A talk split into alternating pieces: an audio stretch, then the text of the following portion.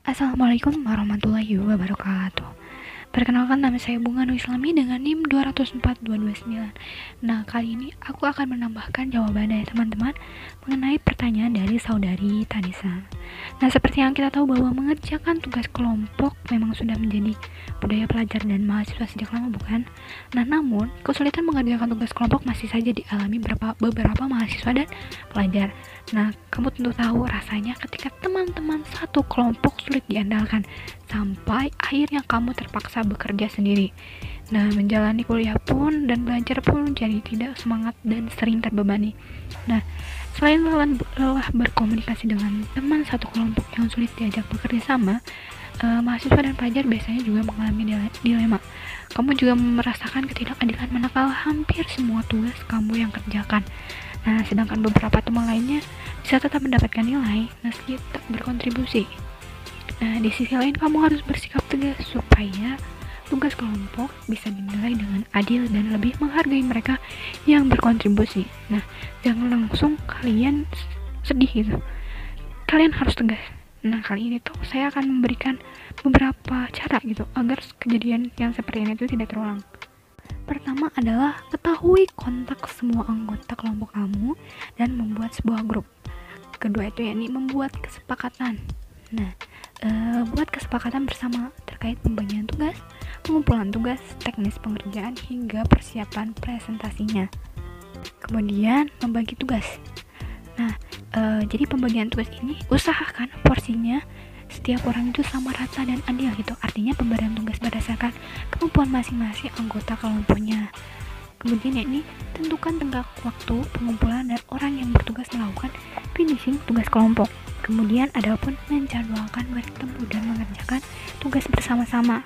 Karena e, perlu diseimbangi dengan bertemu secara tatap muka dan mengerjakan tugas bersama yang terakhir yakni saling mengoreksi satu sama lain Nah, meskipun sudah mendapatkan tugas masing-masing, jangan merasa paling benar dan acuh pada tugas teman kamu yang lain.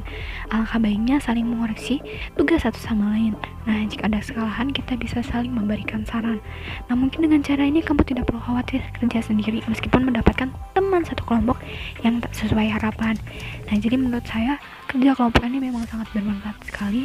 Uh, salah satu halnya adalah mendekatkan para anggota uh, teman kelas Eh, masing-masing uh, gitu. Meskipun kadang banyak hambatan-hambatan yang terjadi pada kerja kelompok ini namun uh, manfaat dari kerja kelompok ini sangatlah uh, bermanfaat sekali seperti membangun kepemimpinan seseorang dalam sebuah kelompok. Seperti itu. Uh, sepertinya cukup uh, sampai di sini. Terima kasih. Wassalamualaikum warahmatullahi Assalamualaikum warahmatullahi wabarakatuh. Perkenalkan nama saya Bunga Nur Islami dengan NIM 204229 Nah kali ini saya akan menyampaikan atau menanggapi diskusi untuk kelompok IKN-IKN ini Di mana saya ingin uh, menanggapi mengenai laboratorium demokrasi Nah, e, dalam konteks pendidikan demokrasi, ruang kelas baik dalam artian di dalam e, maupun belajar di ruangan ini dapat e, menjadi rancangan laboratorium demokrasi. Nah, kelas sebagai laboratorium demokrasi ini memiliki karakter di mana guru memberikan kesempatan kepada peserta didik untuk bertanya, menyampaikan pendapat, memiliki perspektif berbeda dengan temannya ataupun dengan gurunya. Nah, guru yang menjadi ruang e, Kelas sebagai laboratorium demokrasi akan mendorong setiap peserta didik untuk berpikir kritis, menelaah, menganalisis sampai menemukan sendiri jawaban atau kesimpulan dari berbagai permasalahan yang disampaikan oleh guru atau masalah yang diidentifikasinya sendiri. Nah, tentu saja demokrasi ini bukan hanya identik dengan mata pelajaran pendidikan kewarganegaraan, tetapi setiap mata pelajaran pada dasarnya bisa mengembangkan budaya demokrasi. Nah, di mana demokrasi ini erat kaitannya dengan toleransi, saling menghargai dan menghormati keberagaman. Nah, kelas yang dibentuk menjadi laboratorium demokrasi akan berkontribusi dalam membentuk peserta didik menjadi warga negara yang baik, kritis, bertanggung jawab, memahami memahami hak dan kewajibannya. Nah, guru sangat disarankan untuk menerapkan model, model pembelajaran memahami hak dan kewajibannya. Guru sangat disarankan untuk menerapkan model pembelajaran komparatif ini karena melalui model tersebut para peserta didik dapat saling berinteraksi dan bekerja sama dengan teman-temannya dalam menyelesaikan sebuah masalah.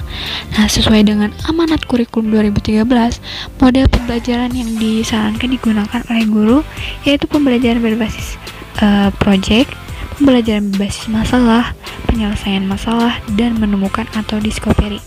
Nah, uh, metode yang bisa digunakan antara lain yakni sama, tanya jawab, diskusi, bermain peran, uh, kemudian debat atau metode lain yang relevan. Nah, dalam ruang kelas yang didesain hmm, dalam ruang kelas yang didesain sebagai laboratorium demokrasi, peran guru hanya sebagai fasilitator, mengatur dan membimbing jalannya diskusi antar peserta didik serta menjadi wasit ketika terjadi perbedaan pendapat di antaranya uh, di antara peserta didik. Pada saat akhir pembelajaran, guru melakukan penguatan, mengajak siswa menyimpulkan dan melakukan refleksi. Nah, um,